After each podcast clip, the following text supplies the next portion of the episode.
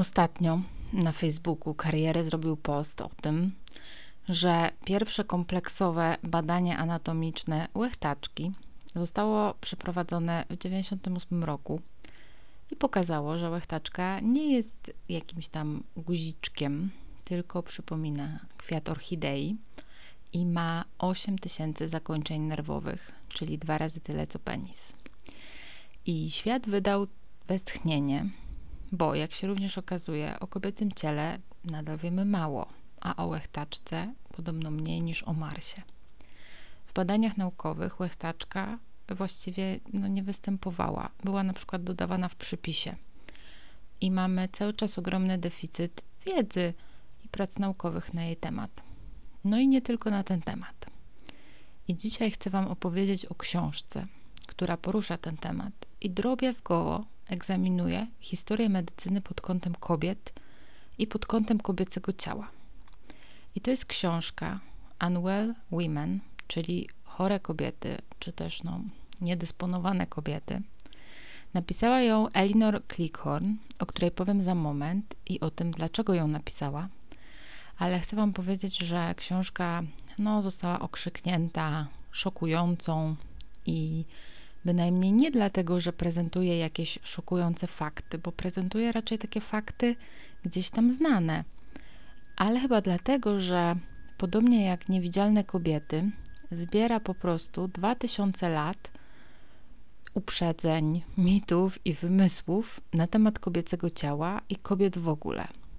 I to są takie rzeczy, o których gdzieś tam słyszeliśmy, słyszałyśmy, o których uczyliśmy się nawet na historii i które nas nie dziwiły, bo po prostu było oczywiste, że w starożytności uważano, że kobietą powoduje histeria, czyli macica, że były polowania na czarownice, że Biblia mówi, że kobieta ma rodzić w bólach, ale patrząc na historię medycyny przez pryzmat podejścia do kobiet, widać po prostu ogromną lukę, jaka jest do dzisiaj w tym temacie. I Elinor Clickhorn napisała tę książkę, ponieważ sama choruje na chorobę, która dotyka głównie kobiety, która często jest źle i długo diagnozowana i która prawie doprowadziła ją do śmierci. To jest choroba autoimmunologiczna, nazywa się toczeń rumieniowaty i zdiagnozowanie jej u Elinor zajęło 7 lat. A zdiagnozowano ją, jak była w drugiej ciąży i na USG okazało się, że serce płodu bije za wolno. I lekarze zaczęli szukać przyczyny, ale nie znaleźli. Elinor dostała sterydy, dziecko urodziło się zdrowe, czyli właściwie zdiagnozowano ją po ciąży. No ale kilka tygodni później trafiła do szpitala z zapaleniem osierdzia i wróciła do domu tylko po to, by następnego dnia przyjechać do szpitala ponownie z tętnem 198 uderzeń na minutę. I dopiero wtedy zaczęła się diagnostyka na poważnie. I wszystkie objawy, które miała przez lata, czyli ból stawów, zmęczenie, obrzęki i które bagatelizowała i których lekarze nie rozpoznawali, to były właśnie objawy tocznia. Toczeń polega, tak w uproszczeniu, na tym, że nasz własny układ odpornościowy atakuje organizm i uszkadza narządy i tkanki. I podobnie jak inne choroby autoimmunologiczne, jak stwardnienie rozsiane, e, reumatoidalne zapalenie stawów, wrzodziejące zapalenie jelita grubego, Hashimoto, dotyka znacznie więcej kobiet niż mężczyzn. Dzisiaj 90% y, chorych na toczeń to kobiety – i nadal dokładnie nie wiadomo, co go powoduje. A do lat 40. w ogóle był chorobą nienazwaną. A chorujące na niego kobiety diagnozowano na przykład na kiłę i faszerowano penicyliną, arszenikiem i rtęcią. Dlaczego toczeń częściej dotyka kobiety? Dlatego, że układ odpornościowy kobiet i mężczyzn działa inaczej.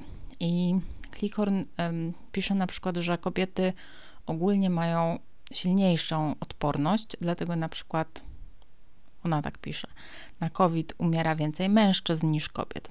No ale oczywiście są jeszcze czynniki e, środowiskowe i społeczne, czyli że mężczyźni generalnie prowadzą mniej zdrowy tryb życia, więcej palą, piją itd. Tak no ale mamy też inne hormony i to sprawia, że nie można nas mierzyć jedną medyczną miarą.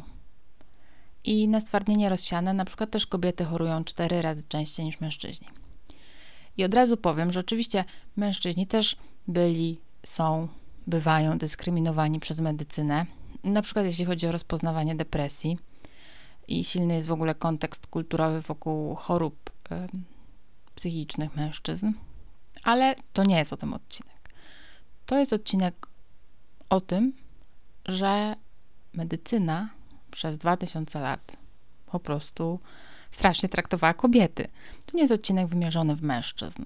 Zresztą o mężczyznach też będzie odcinek. Ale tymczasem posłuchajcie historii, którą ma do opowiedzenia Elinor. Ta książka Unwell Women idzie chronologicznie i jest tam mnóstwo danych, bardzo konkretnych opisów, bardzo też drastycznych, różnych przypadków, zabiegów, operacji. Wszystko jest oparte na źródłach i dotyczy przede wszystkim Europy i Stanów Zjednoczonych. Czyli tutaj będzie ten kontekst po prostu no, białych mężczyzn. I zaczyna się od podziwianych przez nas Greków, od kolebki naszej cywilizacji, od mistrzów, o których się uczymy w podstawówce, czyli od Arystotelesa i Hipokratesa, według których, jak zresztą według y, Greków w ogóle, kobieta była taką wybrakowaną istotą ludzką. I ta wspaniała Grecja, której tyle zawdzięczamy, i mówię to zupełnie bez przekąsu, ta Grecja uznawała kobiety za własność mężczyzn, tak samo jak kozy czy krowy. Kobiety nie miały prawa posiadania ziemi, własności, pieniędzy i głównie sprowadzały się do roli naczynia, które przechowuje, a potem wydaje na świat dziecko. I oczywiście, że były wyjątki, ale nie mówimy tu o wyjątkach, tylko mówimy o tym, że właściwie przez całą starożytność i średniowiecze kobieta była po prostu macicą.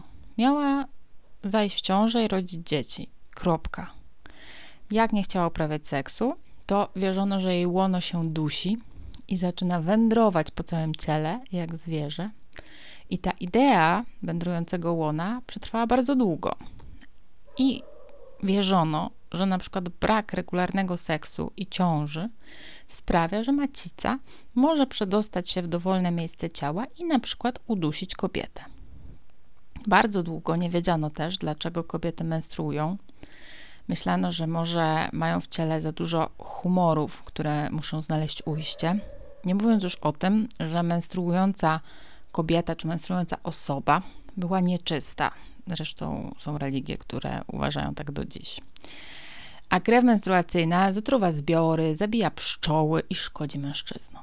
I w ogóle przeszkadza we wszystkim, na przykład w uczeniu się albo studiowaniu. Więc z jednej strony kobieta była tym niepełnym mężczyzną, tą niższą istotą, która dysponuje w dodatku nieczystymi mocami, no ale z drugiej strony była stworzeniem, które daje i nosi w sobie życie. Więc trochę budziło to strach. I ten strach trzeba było no, skanalizować, trzeba było po prostu kobiety kontrolować. No i trochę też tak, że jak działo się coś złego na świecie, na przykład jak do Europy zawitała czarna ospa, no to łatwo było obarczyć winą Żydów. O, drop szczeka.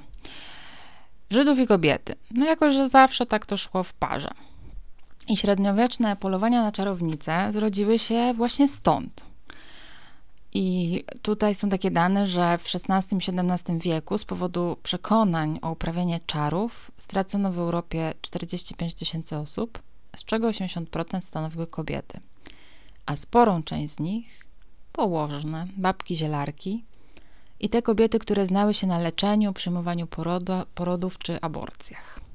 No ale o tym pewnie wiecie. To, czego być może nie wiecie, to to, że łechtaczka została oficjalnie odkryta w 1559 roku i wywołała przerażenie, bo obnażyła prawdę o tym, że kobieta może doznawać przyjemności bez mężczyzny.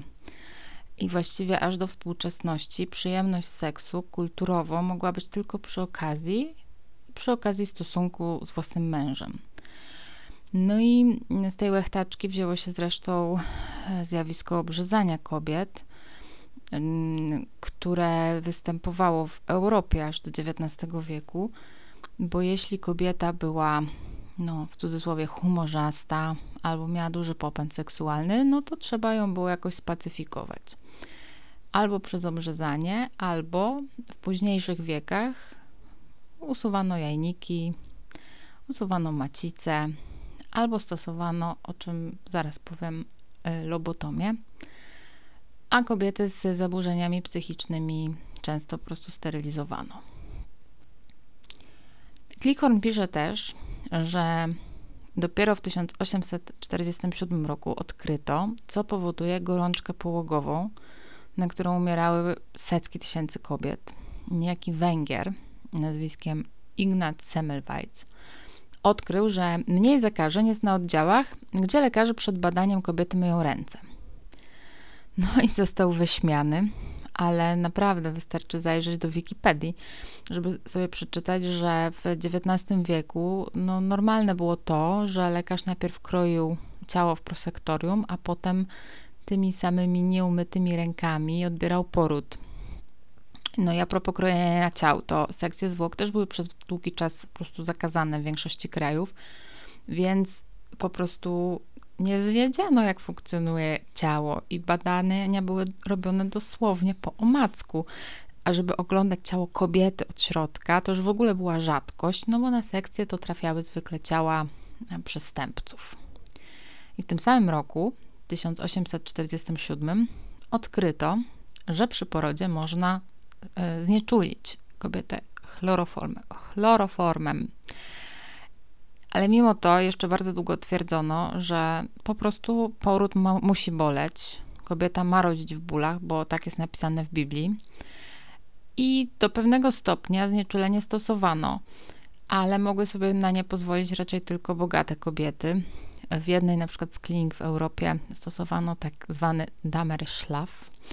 Podawano przy porodzie kobiecie mieszankę morfiny i skopolaminy, która jest substancją psychoaktywną i która powodowała, że kobieta po prostu odpływała w sen na jawie i budziła się dopiero po wszystkim z dzieckiem w ramionach, za to bez wspomnienia żadnego bólu. Zresztą do dzisiaj chyba zdarza się, że o znieczulenie przy porodzie trzeba stoczyć walkę, a i tak pokutuje jakieś takie przekonanie, że to jest no, nienaturalne i że to po prostu ma boleć i nie ma innego wyjścia. Aha, bitwę w XIX wieku stoczono jeszcze o wziernik, bo pojawiły się objawy, że używanie go będzie tak podniecać kobietę, że za bardzo się kobiety przyzwyczają i już nie będą chciały uprawiać zwykłego seksu. Ale prawdziwe przełomy przyszły wraz z wiekiem XX. Najpierw w 1905 roku świat usłyszał o hormonach, a potem powstały pierwsze teorie na temat tego, że, uwaga, umysł i ciało są ze sobą powiązane i że choroba psychiczna może się manifestować fizycznie i że trauma, stres, ciężkie przeżycie może dawać fizyczne objawy. Ale to zadziałało też w drugą stronę i doprowadziło do tego, że uznano, że wiele osób, które skarżą się na ból, po prostu sobie ten ból wymyśla, bo ból jest przecież w głowie. No i doprowadziło też do tego, że depresje, lęki czy jakieś zaburzenia obsesyjno-kompulsywne leczono lobotomią. I za udoskonalenie lobotomii w 1935 roku portugalski neurolog Antonio Egas Moniz dostał Nagrodę Nobla. A w latach 40. 3 czwarte pacjentów, którzy byli poddawani temu zabiegowi, stanowiły kobiety. I lobotomię przeszła nawet siostra JF Kennedy'ego, Rosemary, która miała wtedy 23 lata i całe życie była y, dziwna. Rodzina najpierw ukryła ją w zakonie, no ale ona wyrywała się gdzieś tam do barów, na spotkania z mężczyznami i jej ojciec uznał, że nie chce ryzykować reputacji rodziny. No i po zabiegu Rosemary podobno nie mogła chodzić ani mówić i resztę życia spędziła w klinice, a zmarła w 2005 roku. No jeśli sądzicie, że dalej było lepiej, no to teraz nastały lata powojenne, bo wojnę specjalnie omijam. skupię się po prostu na latach 50. i 60. Więc pod koniec lat 50. no nastała taka epoka mm, tabletek na uspokojenie. I stało się tak dlatego, że mieliśmy do czynienia z zupełnie nowym powojennym światem. Mężczyźni wrócili z wojny, kobiety miały im zapewnić ciepły dom, w którym mogły się cieszyć e, odkurzaczami, pralkami, no w ogóle nowoczesną techniką. Więc no, macie może w głowie taki obraz stereotypowy amerykańskiej housewife z przedmieść, która miała być po prostu szczęśliwa jako żona i matka. Ale się okazało, że nie była. I że housewife choruje na depresję, ma lęki i trzeba jej przepisać magiczną tabletkę. I te tabletki przepisywano po prostu hurtem, a kobiety łykały je jak cukierki i no, nie było tak, że zobaczyły reklamę i biegły do lekarza, ale była po prostu bardzo duża presja, bo oczekiwano, że kobiety właśnie na nowo uwiją te rozdarte wojną gniazda i odbudują przetrzebioną przez wojnę populację. I mimo, że mogły już wtedy studiować i głosować, to przede wszystkim miały być żonami, matkami. I mówiło się, że ich problemy biorą się z nudy, bo przecież miały piękne domy i te pralki i ekspresy do kawy.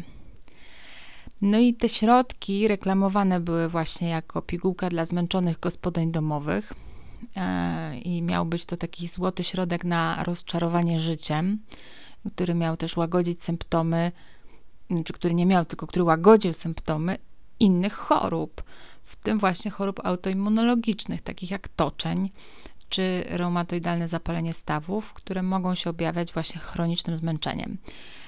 No i właśnie wtedy zaczęło się mówić, że kobiety somatyzują. I jeśli w latach 50. kobieta poszła do lekarza, skarżąc się na ból mięśni, wyczerpanie, zemglony umysł, no to dostawała po prostu tabletkę. Już nie mówiąc o tym, że te tabletki też miały mnóstwo skutków ubocznych.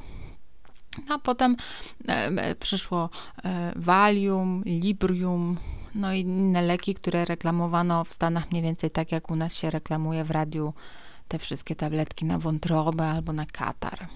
Ale i tu nastąpił zwrot akcji, bo pojawiła się kobieta, która postanowiła zakwestionować cały ten bullshit. Nazywała się Betty Friedan i jeśli oglądaliście Miss America na HBO, to ona się tam pojawia. E, w ogóle bardzo polecam ten serial. Naprawdę świetnie pokazuje takie narodziny, tą pierwszą, drugą falę feminizmu w Stanach Zjednoczonych i znakomicie grają Kate Blanchett, e, Sarah Paulson czy inne super aktorki. Ale wracając, Betty Friedan ogłosiła światu, że problem nie polega na tym, że kobiety no, nie akceptują po prostu swojej roli żony i matki w społeczeństwie i stąd jest problem tylko że kobiety po prostu chcą być kimś więcej niż tylko żonami i matkami, i że mają tego prawo, i że nie można być szczęśliwą, sprowadzając swoje życie do roli gospodyni domowej, że nikt nie będzie szczęśliwy w takim układzie, bo to jest po prostu za mało. I że kobieta jest przede wszystkim człowiekiem i ma prawo do rozwijania się w taki sposób, jaki chce. I książka Betty Friedan Y, The Feminine Mystic stała się bestsellerem. No oczywiście potem przyszła krytyka, także ze środowisk feministycznych, że książka nie uwzględnia punktu widzenia czarnych kobiet, ale to już są inne wątki. Kolejny przełom nastąpił w latach 60., kiedy to wynaleziono, tak, zgadliście, pigułki hormonalne, zarówno antykoncepcyjne, jak i hormonalną terapię zastępczą. Więc nagle się okazało, że menopauza to nie jest koniec kobiecości, ale oczywiście te tabletki też miały mnóstwo skutków ubocznych, a poza tym no, były w pewnym sensie takim narzędziem opresji, bo chodziło o to, by kobieta jak najdłużej pozostawała młoda.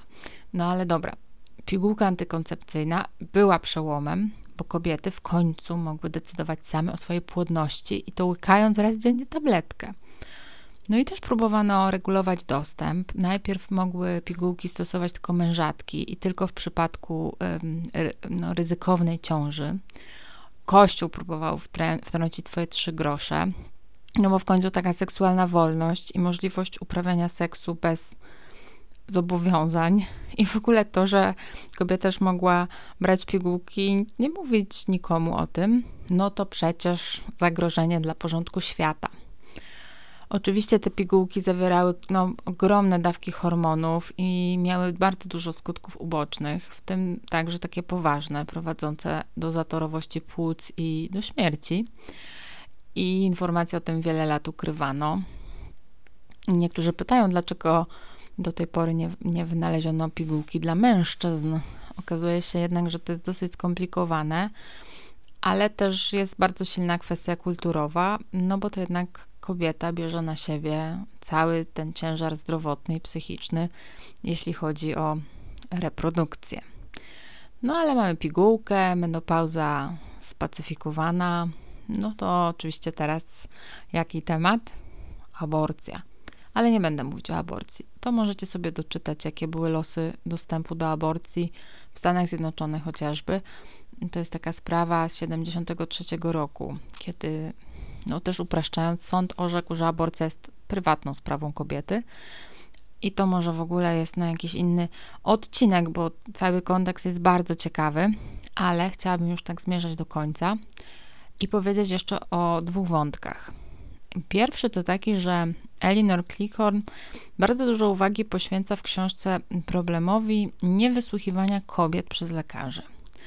No kiedyś dlatego, że lekarz był zawsze mężczyzną i po pierwsze no nie mógł wiedzieć, jak się kobieta czuje, nie, nie, nie mógł, jakby nie miał w ogóle wiedzy o kobiecym ciele, a mimo to jakby no, miał ten monopol na wiedzę medyczną. I trochę to pobrzmiewa do dzisiaj, że na przykład, no nie wiem, czy wy kiedykolwiek pomyślałyście, dziewczyny, że wprawdzie coś wam dolega, ale co tam będziecie lekarzowi tym głowę zawracać? A może znacie kogoś, kto tak pomyślał? Mam nadzieję, że nie, ale bardzo długo pokutowało takie przekonanie, że lekarz no to jest zajęty, ma mnóstwo na głowie, więc gdzie tam będzie się szło z jakimiś objawami, które polegają na tym, że po prostu ktoś jest zmęczony. Przecież to jeszcze nie jest jakiś stan umierania. Jest e, w nauce coś takiego jak syndrom Jentl i polega on na tym, że kobiety otrzymują mniejszą uwagę lekarza, gdy ich objawy są niespecyficzne, czyli niemęskie. Mówiłam o tym w odcinku Niewidzialna i podawałam przykład zawału serca, bo jak sobie pomyślimy o zawale serca, no to widzimy najczęściej mężczyznę w średnim wieku trzymającego się za serce. To mój pies się drapie. Drops. A tymczasem u kobiet zawał objawia się często całkiem inaczej, e, na przykład mdłościami albo bólem karku. I efekt jest taki, że na choroby serca w Stanach umiera więcej kobiet niż mężczyzn, bo po prostu za późno otrzymują pomoc. A druga sprawa, o której chcę powiedzieć, to to, że choroby, które latami nie były diagnozowane, przykład endometrioza, zespół przewlekłego zmęczenia albo, będzie trudne trudne słowo, fibromialgia, że na te choroby chorują osoby młode i znane. I to są choroby, w które lekarze po prostu nie chcieli uwierzyć. Na przykład na fibromialgię, która objawia się takim chronicznym bólem, choruje Lady Gaga, o czym mówi w dokumencie Five Feet 2. Możecie sobie go obejrzeć e, chyba na Netflixie na toczeń choruje Selena Gomez, która jakiś czas temu ujawniła też, że musiała przejść e, przeszczep nerki.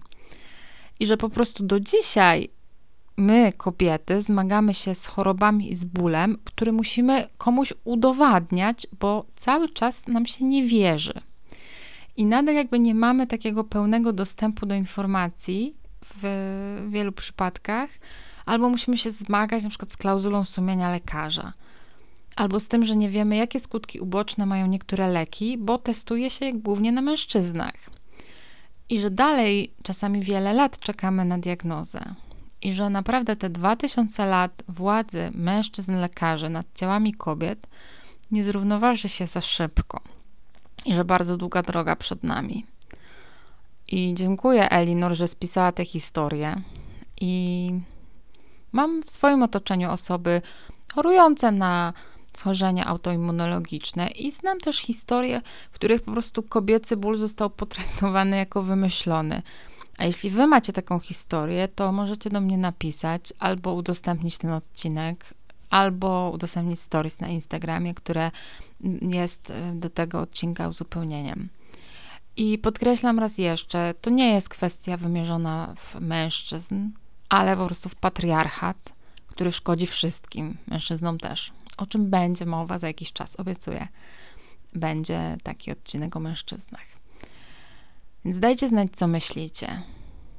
To był podcast Nasze z Longu, a ja Was pozdrawiam. Życzę Wam dużo zdrowia i do usłyszenia.